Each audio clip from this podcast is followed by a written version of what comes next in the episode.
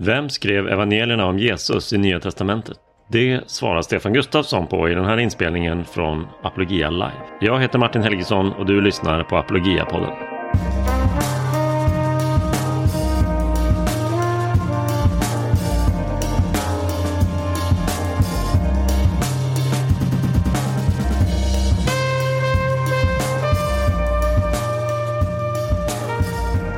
Ja, välkomna tillbaka till Apologia-podden. Jag beklagar att det är så länge sedan sist. Eh, ni som eh, har varit trogna lyssnare på Apologia-podden eh, och dessförinnan Samtid och sanning genom åren vet ju att frekvensen på våra avsnitt går lite upp och ner beroende på hur mycket annat vi har för oss. Och av det här långa uppehållet att döma så förstår ni att jag har haft fullt upp på annat håll med diverse föreläsningar och undervisning av olika slag. Eh, det är såklart jättekul men jag beklagar att eh, vi inte har haft eh, fler nya avsnitt på länge. Jag ser fram emot att försöka publicera lite tätare avsnitt senare under våren och början av sommaren kanske. För en tid sedan hade vi ännu ett Apologia Live där Stefan Gustafsson tog upp frågan om evangelierna och vem som skrev dem. Det påstås ibland att de är anonyma och att vi därför inte kan veta hur tillförlitliga uppgifterna i dem är. Men eh, Stefan tror att vi har goda skäl till att eh, lita på de traditionella författarnamnen och eh, att vi därmed har ögonvittnenas skildring av Jesu liv. Och varför han tror det, varför det finns goda skäl att eh, vara övertygad om det, det förklarar han i den här inspelningen från Apologia Live. Skulle du hellre vilja titta på inspelningen så finns den upplagd på Youtube. Där kan du både höra och se Stefan och hans PowerPoint när han talar om detta. Nästa Apologia Live är planerat till den 19 april klockan 19. Då har vi äran att ha Gavin Ortlund som gäst. Han är teolog och pastor i södra Kalifornien. Han har en eh, ganska så etablerad Youtube-kanal vid det här laget som heter Truth Unites. Och där har han haft många dialoger med eh, katolska och ortodoxa företrädare. Och han kommer att prata på Apologia Live om huruvida man måste tillhöra just katolska eller ortodoxa kyrkan för att kunna ha djupa rötter och vara djupt förankrad i kyrkans tradition och historia. Han kommer att eh, presentera sitt case för varför också protestanter kan känna en uppskattning, respekt för och ett ägarskap av hela kyrkans historia. Så det ser jag mycket fram emot att få höra honom tala och eh, att vi ska få ställa våra frågor till honom. Så missa inte Apologia Live den 19 april. Länk till eh, att anmäla sig hittar du i avsnittsbeskrivningen och det är som vanligt helt gratis att vara med. Du kan till och med vara helt anonym om du så önskar. Okej, här kommer Stefan med frågan Vem skrev evangelierna?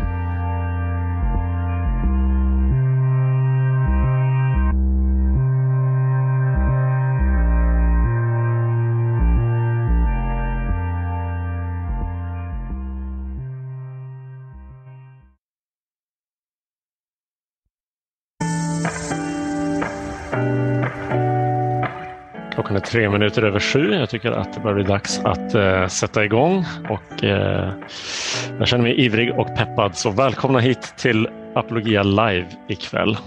Jag heter Martin Helgesson och eh, arbetar för eh, Apologia, Centrum för kristen apologetik tillsammans med bland andra Stefan som ska vara vår talare ikväll. Och vad är det vi jobbar med i apologia? Jo, vi arbetar med kristen apologetik, alltså att förklara den kristna tron och att försvara eller motivera den kristna trons anspråk på att vara meningsfull och eh, sann. Kvällens ämne är Vem skrev evangelierna? I ett eh, Zoom-webinar så kan ju inte vem som helst slå på mikrofonen, men om ni kunde det så slår jag vad om att ganska många av er tror att ni skulle kunna besvara den frågan. Eh, jag tror att ni skulle svara rätt.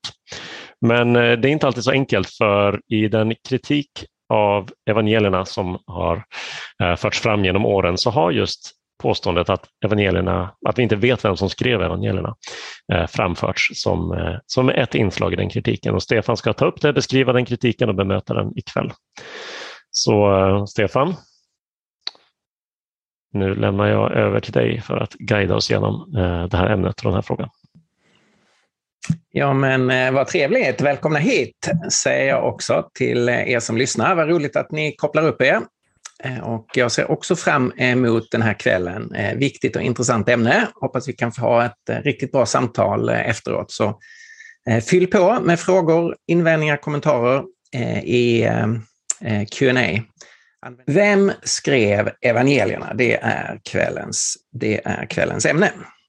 De texter som vi ska tala om, de är ju då inte vilka texter som helst. Det här är tveklöst världshistoriens mest inflytelserika texter. Man kan ju säga att Bibeln är den mest inflytelserika texten, den som har påverkat mest.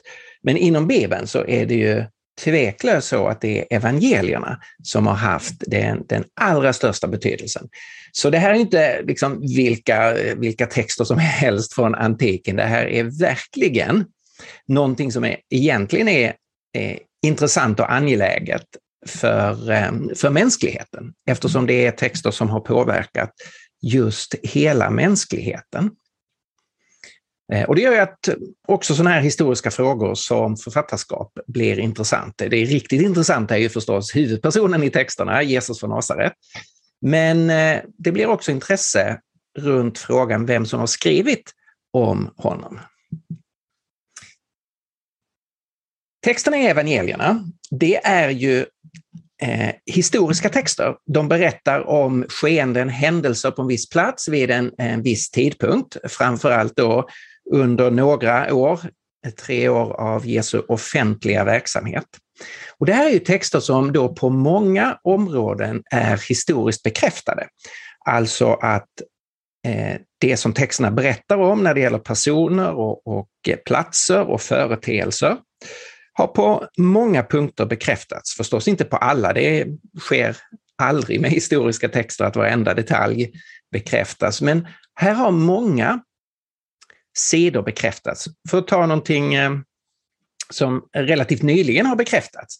I Johannes 9 så berättades det om hur Jesus botar en blindfödd man och eh, han går och tvättar sina ögon i Siloadammen. Och Eh, det har förstås genom historien då funnits kritiker som har ifrågasatt om Silvadammen ens har funnits. 2004 så, eh, eh, så hittade man eh, Silvadammen och gjorde utgrävningar. Och det här är då en av väldigt, väldigt många platser och företeelser som är bekräftade från evangelierna. Så vi rör oss in här på historisk mark. Och de som har skrivit de här texterna har skrivit historiska texter. Det finns också många tecken på att eh, de som har skrivit texterna har varit i verklig närkontakt med själva skeendet.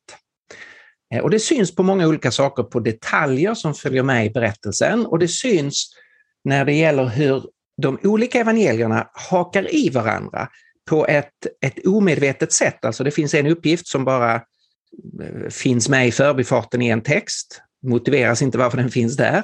Men man får ett, den får ett förklarande ljus i en annan text, i ett annat av evangelierna. Så olika uppgifter hakar i varandra som om texterna faktiskt återspeglar, går tillbaka till ett gemensamt händelseförlopp.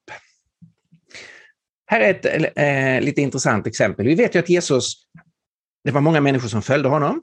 Han utvalde också tolv personer som blev hans särskilda lärjungar, eh, hans särskilda apostlar. Eh, och vi vet att bland, bland dem så fanns det också tre, Petrus, Jakob och Johannes, som fick vara med vid några specifika tillfällen. När man läser i Markus evangeliet så ser man att Markus berättar att Jesus har utvalt de tolv och så sänder han ut dem två och två och gav dem makt över de orena andarna. Det görs ingenting av det. Och det är väl smart att man får jobba i team två och två. Om man sen läser i Matteus så finns där en intressant sak. I Matteus 10 så ger författaren namnen på de här tolv apostlarna. För Simon, som kallades Petrus, vidare hans bror Andreas, Jakob, Sebedaios son och hans bror Johannes, Filippos och Bartolomaios, Thomas och tullindrivaren Matteus, Jakob, Alfaios son och Tadaios, Simon Kananaias och Judas Iskariot, han som förrådde honom. Vi ser i den svenska texten, och det återspeglar precis vad som står i den grekiska texten, att den här listan är sammanbunden med och. Så att det bildar par om två och två. Alltså Simon Petrus och, nu är det översatt med vidare, men det står Kai på grekiska, eh, och, alltså Simon Petrus och Andreas, komma. Eh, ja, det finns inte i den grekiska texten, men eh, Petrus och Andreas, Jakob och Johannes, Filippus och Bartolomaios, Thomas och Matteus, Jakob och Tadaios, Simon och Judas. Alltså, Matteus har genom hur han skriver texten här visat att de var sammankopplade i par om två som liksom jobbade ihop, som var ett team. Intressant. Om man sätter upp de synoptiska evangelierna tillsammans med apostlagärningarna så finns det alltså fyra ställen då sammanlagt som har de, de eh, tolv apostlarna. Och då ser ni här att alla fyra listorna börjar med Simon Petrus och alla slutar med Judas Iskariot, han som får dem alltså främst och sämst, Petrus och Judas. Och i Apostlagärningarna finns eh, Judas Iskariot inte med, han har redan tagit sitt liv, eh, där den texten är. Och sen kan man se att de andra namnen står huller om buller. De står inte alls i samma ordning i de olika texterna. Utan det är ju Simon Petrus först och så Judas sist. Men äh, vänta, där finns ju en ordning.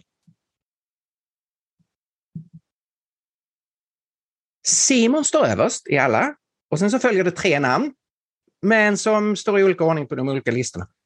Sen står Filippos namn på samma position i alla listorna. Och sen följer det tre namn som inte stämmer överens inbördes mellan listorna, står i olika ordning. Och sen kommer Jakob. Och han står på samma position i samtliga listor och sen är det rörigt eh, i vilken ordning de andra står. Det här indikerar ju nog att Jesus inte bara hade satt ihop dem två och två, som listan hos Matteus indikerar, utan att de också var i grupper om två par, alltså fyra personer. Och, och det här är förstås väldigt praktiskt. Om man är ett sånt här stort gäng som måste ordna mat varje dag, ordna logi och som har uppdrag att predika och hjälpa människor, att man har grupperat. Och det här verkar indikera att man har haft fasta grupper. Den översta gruppen dyker också upp som en grupp i Markus 13 och 3. När Jesus satt på Olivberget mittemot templet och Petrus, Jakob, Johannes och Andreas var ensamma med honom. Där är de fyra och ställer en fråga. Det här kanske också förklarar varför i Apostlagärningarna att det är så bråttom att utse en efterträdare till Judas Iskariot. Eh, det är klart att de kanske ville ha det här symboliska att de skulle vara tolv. Men det är också så att här är ett, ett team som nu bara består av, av en person som ju behöver en, en eh, teammedlem och en grupp som bara består av tre istället av fyra. Och därför så ersätter man Judas Iskariot ganska snabbt. Eh, det här är ju väldigt meningsfullt när man ser sådana här mönster. Så det är inflytelserika texter som är historiskt bekräftade, som verkar vara i närkontakt med skeenden på detaljnivå och där det de berättar om inte är anonymt till sitt innehåll.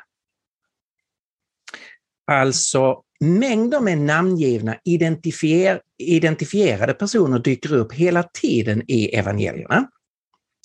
Om vi tar eh, Lukas som ett exempel. Om man räknar namn i Lukas evangeliet så finns det 44 namngivna personer. Och så finns det åtminstone fem där vi inte har personens namn, men de är relaterade till en namngiven person. Alltså som Jairi dotter. Jairus, synagogföreståndaren. Och, och, eh, och så var det hans dotter. Nu har vi inte flickans namn, men hon är ju identifierbar genom sin relation då till sin pappa. Och sen är det 54 individer som eh, inte har namn, alltså en sjuk, en blind, en, en farisé, en skriftlärd, en, en tjänare eh, och så vidare. Men det är ju väldigt intressant, 44 namngivna personer. Och de är ju heller inte riktigt vilka som helst. Om man tar i Lukas evangeliet, tar några av de namngivna personerna, så är Johanna en av de som följer Jesus i Lukas 8 och en av de som möter Jesus uppstånden i Lukas 24. Hon var gift med Herodes förvaltare, Kusas. Hon kommer alltså från en förnäm familj eh, högt upp i hierarkin. Eh, I sin samtid lätt identifierbar. En person man kan intervjua om vad hon hade varit med om när det gällde Jesus. Det talas om en man från Kyrene som heter Simon. Så man får inte bara hans namn utan man får också platsen han kommer ifrån.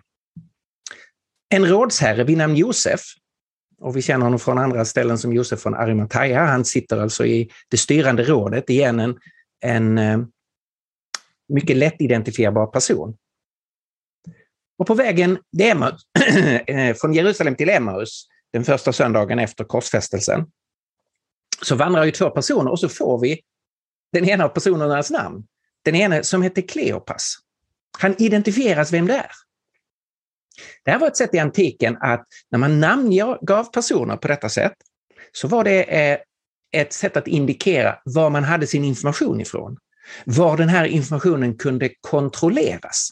Och här har vi väldigt lätt identifierade personer som det var möjligt att tala, om, tala med. Så innehållet är inte anonymiserat, utan det kommer från identifierbara personer. Men då är det frågan, den eller de som då har skrivit ner dessa historiska texter, vad ska man säga om dem? Och då närmar vi oss ju här kvällens ämne. Är författarna till dessa texter, med sitt historiska material och med sina identifierbara personer, är de författarna själva anonyma, okända? Kan vi inte veta vem som har hållit i pennan så att säga? Innan vi tittar på argumenten för det för och emot, låt mig först säga, vad är det som står på spel i en sån här fråga? Är det, eh, är det liksom evangeliernas sanning?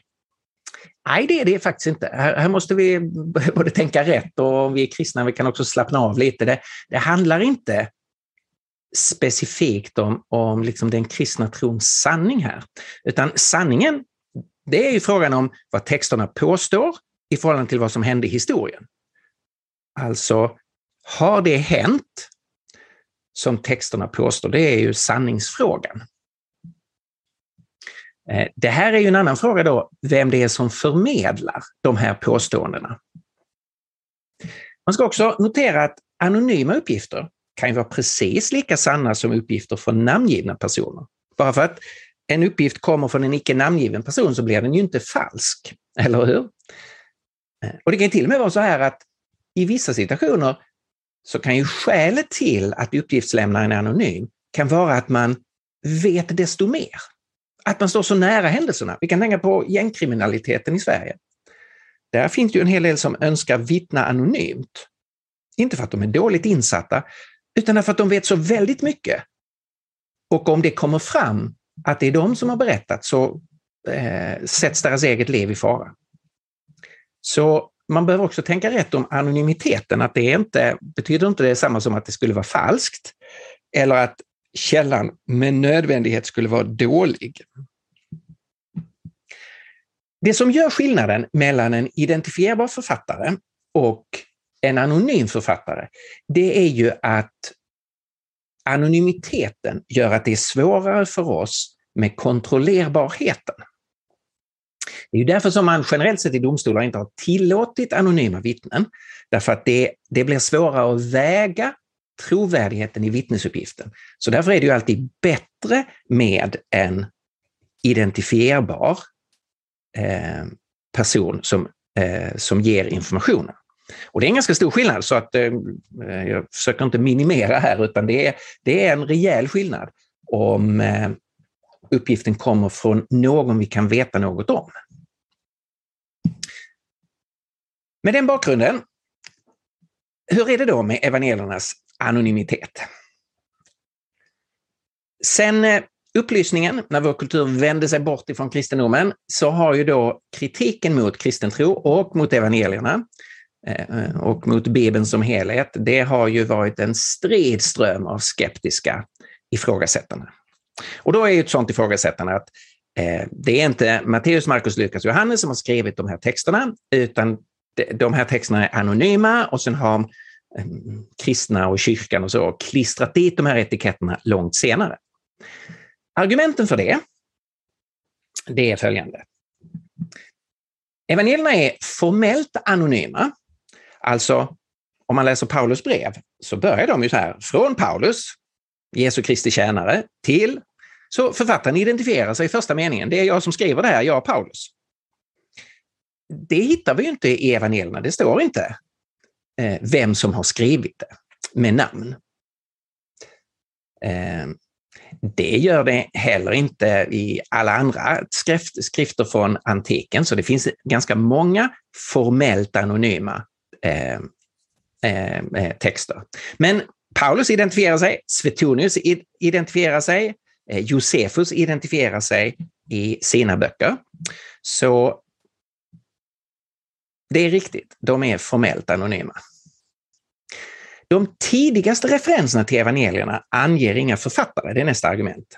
Justinus martyren, han talar om evangelierna men kallar dem bara för apostlarnas memoarer och anger inte liksom namnen på, Eh, på apostlarna eller författarna. Ignatius av Alexandria talar om evangeliet utan att eh, tala om vem som har skrivit det. Heretikern, irläraren Markion, han talar om Herrens evangelium och det verkar vara någon sorts version av Lukas evangeliet, men han kallar det inte för eh, Lukas evangeliet utan för Herrens evangelium. Och där visste jag att det är för mycket på den powerpointen. Tredje argumentet är att de titlar som finns i våra manuskript, alltså evangelium enligt Matteus, Markus, Lukas, Johannes, så, de varierar lite till formen. Så på en del manuskript så står det lite längre evangelium enligt Matteus och på andra så står det bara enligt Matteus. Eh, så, så, det finns en viss variation där och det används då som ett argument för att eh, de här skulle ha skrivits, eh, skrivits dit senare. Evangelierna är skrivna i tredje person, alltså det är inte ett jag som berättar utan det är ju skrivet liksom utifrån att de gick dit och, och, och så. Ibland förs det fram ett argument att eh, eh, eh de ursprungliga lärjungarna, de, flera av dem var liksom enkla fiskare och här har vi texter, även om en del av evangelierna inte är så avancerad grekiska, så är det ändå liksom eh, tjusiga eh, texter på, på grekiska. Kan, kunde verkligen de skriva sådana texter? Och sen brukar man säga, eller påpeka att efter Ireneus, 180 efter Kristus, så liksom växer det fram en, en enhetlig syn, då börjar man tala om Matteus, Markus, Lukas, Johannes på ett enhetligt sätt. Ungefär så här ser argumenten ut och, man kan läsa om dem hos eh, till exempel Bart Ehrman och, och många andra. Vad ska man säga om det?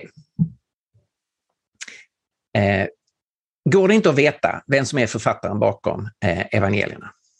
Låt mig försöka ge en respons på de här eh, argumenten. Och min första respons då det är, vi som lever nu behöver ha en viss ödmjukhet.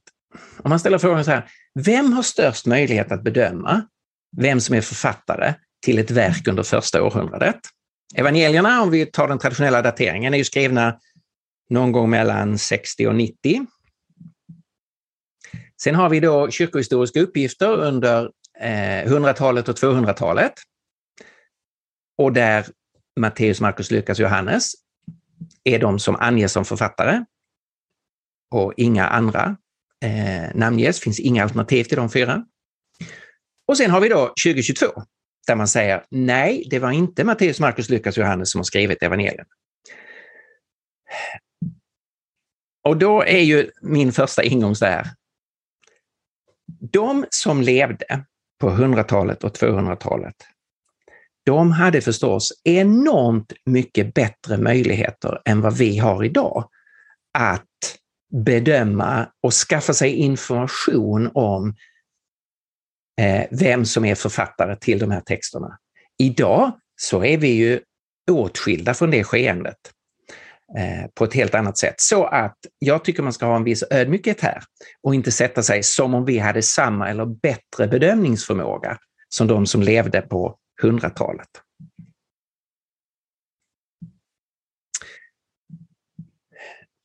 Under det första och andra och tredje århundradet så finns det som kallas för pseudoepigrafer. Eh, och som eh, betyder falsk skrift kan man säga, alltså att det är, för, eh, det är skrifter som påstås vara skriven av en viss person men som absolut inte är skrivna av den personen. Man försöker ge sin text auktoritet genom att, eh, genom att eh, sätta ett eh, känt namn ett tungt namn på sin text. Det var ganska vanligt i antiken och vi ser det i det vi kallar för gnostiska evangelier, där ju alla är överens om att eh, Judas har inte skrivit Judas evangeliet, Filippos har inte skrivit Filippos evangeliet, eh, Maria eh, från Magdala har inte skrivit eh, eh, det evangeliet som bär hennes namn. Eh, så det där förekom. Och det är välkänt att det fanns pseudoepigrafer. Eh, Men det var kritiserat under antiken. Trots att det var vanligt, så var det, eller samtidigt som det var vanligt, var det också betraktat som någonting negativt. Alltså det motsvarar lite, om vi tar en modern liknelse, det här med Twitter-troll. Det är ju väldigt vanligt, alltså Twitter-konto eh, som antingen är anonyma eller som är fejkkonto, alltså som bär en känd skådis eller presidents eller så namn. Och det finns ju väldigt stark kritik mot eh, att göra så. Och precis så var det i, eh, i antiken. Eh, och där håller ju Bart Ehrman med. Alltså han som menar att evangelierna är eh, Eh, evangeliets författare är anonyma. Han kan säga så här. Ancient, sor ancient sources took forgery seriously. They almost universally condemn it, often in strong terms. Så det här måste man ju väga in ganska tungt. Alltså att i den seriösa diskussionen i antiken så var man mycket skeptisk till att eh, liksom ge falsk, eh, eh, göra falska författaranspråk. Man ska också notera att bland de kristna så fanns det en helt öppen diskussion om Hebreerbrevet. Därför att Hebreerbrevet är ju inte som Paulus övriga brev att det börjar med att tala om vem som har skrivit det. Det är formellt anonymt. Det finns ingen författare i själva texten. Eh, och det här gjorde att kristna diskuterade då, vem har skrivit detta? Den vanligaste uppfattningen var att det var Paulus, men andra sa nej, det är inte Paulus. Man föreslog Barnabas, andra föreslog Clemens av Rom, andra föreslog att det är Lukas som har skrivit det. Och det här gjorde att Hebreerbrevet eh, inte fanns med alltid i de tidigaste listorna på kanon eftersom det fanns en osäkerhet om författaren. Och Origenes, som eh, Eusebius eh, eh, citerar, han säger så här, vem som skrev brevet till brevbrevet, det vet endast Gud med säkerhet. Det tycker jag är jätteintressant. Alltså de första kristna tar den här frågan om författarskap på allvar och finns det en osäkerhet om författarskap så är man helt enig om det och man har en öppen diskussion och man kan också konstatera, i det här fallet så är det faktiskt ingen som vet. För, förutom Gud. Då. Så det gör hela det här perspektivet att, att man skulle hitta på författare till de fyra evangelierna, så att ingen egentligen vet vem som har skrivit dem. Och sen skulle man liksom i efterhand hitta på författare. Det verkar osannolikt utifrån liksom den kulturella kontexten. Dessutom är det ju lite osannolika namn. Ja, kanske inte Matteus och Johannes som var apostlar. Men Markus, han är ju nobody i, i kyrkan. Och Lukas är på samma sätt en nobody. Varför, om man nu skulle hitta på namn för att ge texten status, varför väljer man de två namnen? Det finns ju mycket tyngre namn så att säga.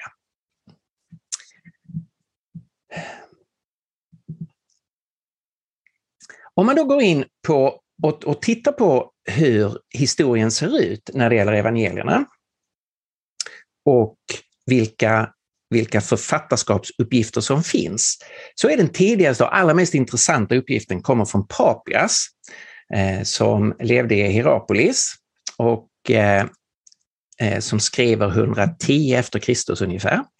Men han är då en äldre man. Han hade själv träffat Filippos döttrar, ni vet förkunnaren Filippos, som vi läser om i Apostlagärningarna, och så var det fyra ogifta döttrar som, var, som profeterade. Han har träffat dem. Alltså, han befinner sig verkligen i, i närkontakt med den första kristna eh, generationen. Och när han skriver 110 så refererar han tillbaka till, alltså han skriver inte om hur det var 110 utan han refererar tillbaka till en situation när han samlar in information. Eh, och vill ni läsa riktigt intressanta saker så ska ni läsa den här boken, Jesus and the Eyewitnesses, The Gospels as Eyewitness Testimony av Richard Borkham med eh, väldigt, väldigt mycket intressant information. Och han skriver så här om Papias. As we shall see, the period of which he is speaking must be 80. Uh, AD, eller Common Era. It is the period in which the Gospel of Matthew, Luke and John were most likely all being written. Så här har vi en, eh, en, upp, en uppgift som går tillbaka till 80-talet när eh, flera av apostlarna fortfarande lever. Och enligt Papias så var Markus tolk åt Petrus. Eh, och att de arbetade tillsammans, Markus ingick i Petrus team i Rom och att det Markus skriver ner i sitt evangelium, det är Petrus berättelse. Och här finns en, en intressant koppling till Nya Testamentet, för i första Petrusbrevet 5 och 13 så säger, skriver Petrus så här. Församlingen i Babylon, och om du har en bibel med noter ska du säga att i noten står det tecknan för Rom, alltså församlingen i Rom, utvald liksom ni, och min son Markus hälsar.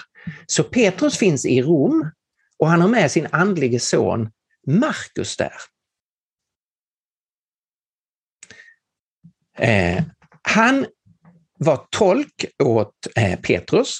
Och enligt Baukam eh, så kan det som Papias berättar här om Markus och Petrus eh, eh, relation, arbetsrelation här, eh, den kan mycket väl förstås så, inte bara att eh, Markus tolkade Petrus och sen efteråt skrev ner det som han hade tolkat, utan också så att eh, det är eh, att Petrus och Markus jobbar tillsammans med texten, men att det är Markus som eh, skriver ner den. Det här gör ju i så fall eh, Markus evangeliet till ett väldigt intressant evangelium. Att det skulle komma innehållsmässigt från Petrus. Och Det finns ett antal interna argument som talar för det. Eh, Petrus är den första och den sist nämnda lärjungen i evangeliet och det finns exempel från antiken att det är ett sätt att tala om var informationen kommer ifrån, den första namngivna personen och den sista namngivna personen. Eh, Petrus namn förekommer oftare i Markus evangeliet än i de andra evangelierna. Eh, så det finns ett antal saker här som pekar mot att eh, Papias här ger oss en mycket tidig och mycket intressant uppgift. Notera skillnaden på, och det har jag igen från Richard Borkham, mellan muntlig tradition som man kan de definiera som att någonting går från mun till mun. Alltså en person berättar för person A berättar för person B, person B berättar för C, C berättar för D, E berättar för F och så vidare. Eh, och då kommer man ju längre och längre och längre bort från källan, en muntlig tradition. Det ska man skilja från muntlig historia. Där det finns en person, ett ögonvittne, som berättar och som fortsätter att berätta. Samma sak nästa år och samma sak nästa år och samma sak nästa år och som sen är med när det skrivs ner. Då har ju historien börjat muntligt, men den har inte gått från mun till mun, utan det är ju samma mun hela tiden som sen för över det till skrift. Så Petrus har ju förkunnat från pingstdagen, evangeliet om Jesus. Och sen har den förkunnelsen förts över skriftligt via Markus. Det har alltså inte gått via en mängd olika personer därmed liksom förlorat kopplingen till källan. Kopplingen finns där från första början fram till dess att evangeliet finns nedtecknat.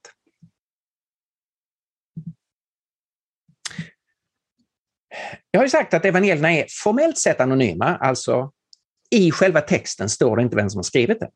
Men formell anonymitet är inte detsamma som faktisk anonymitet.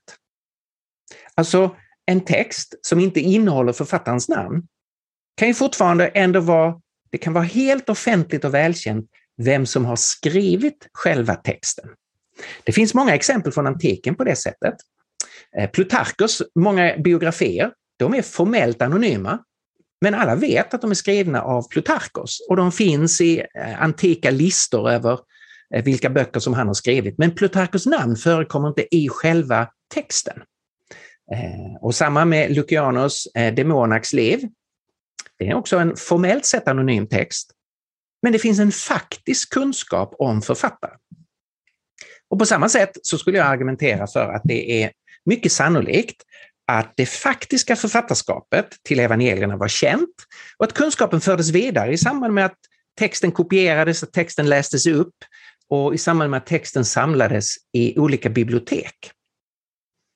Det här har ju varit förstås en självklarhet att om man bygger upp ett bibliotek så kan man inte bara ha en massa fritt flytande texter, de måste ju identifieras vilken text som är vilken och om man sysslar med texter så är man ju alltid intresserad av var kommer texten ifrån? Vem har skrivit den?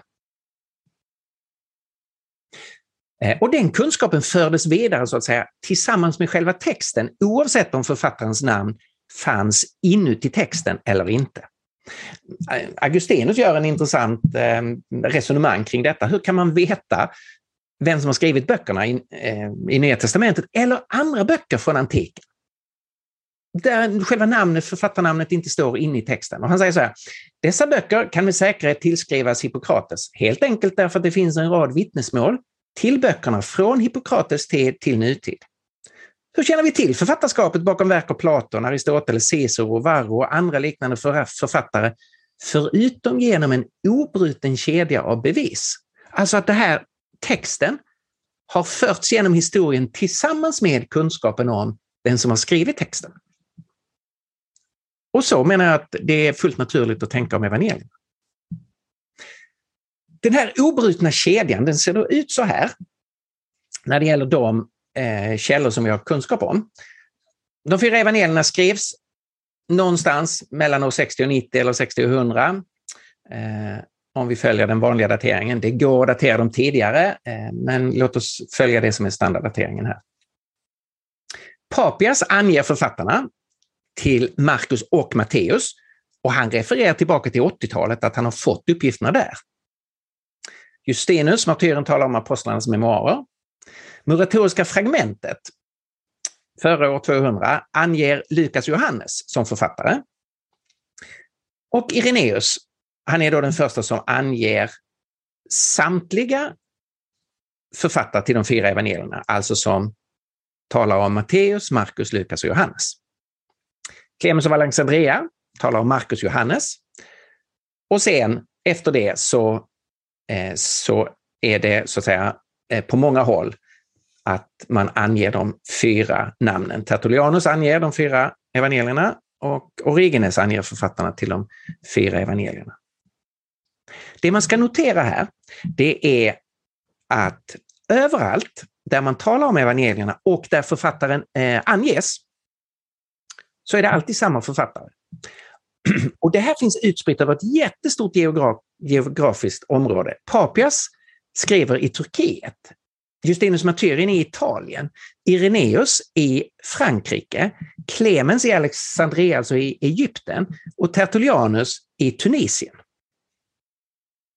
Och, och det som är viktigt att notera här är alltså att trots jättestort geografiskt spridningsområde Eh, så finns det en enhetlighet i eh, vem man tillskriver eh, författarskapet. Och det här är ju en tid eh, innan det finns någon sorts eh, liksom, övergripande stark kyrkoorganisation som skulle kon kunna kontrollera det här. Det här är helt enkelt så att efterhand som texterna sprids så sprids de tillsammans med information om vem som är författaren. Ett av argumenten var ju att eh, man då har sagt att de här titlarna, Evangelion eh, Katamataios, evangelium enligt Matteus, att de har lagts till senare, att de inte har varit ursprungliga. Så kan det vara. Men man får också konstatera att samtliga manuskript har titlar. Vi har inte hittat något evangeliemanuskript utan en, författar, eh, en, en författare som anges. Och det är faktiskt så att de titlarna mycket väl kan varit eh, ursprungliga. Eh, och som eh, jag hörde Pete Williams eh, i Cambridge University, han, han uttryckte det så här, evangelierna kommer inte med en, med en datering, men de kommer med ett författarskap. Alltså eh, den exakta dateringen är lite svårare att eh, komma fram till när de skrevs. Men evangelierna kommer till oss från historien med ett författarskap, nämligen Matteus, Markus, Lukas och Johannes. Den tyske forskaren eh, Martin Hengel eh, har eh, eh, på ett alldeles förnämligt sätt hävdat detta och gått emot det som har varit den liberalteologiska konsensus.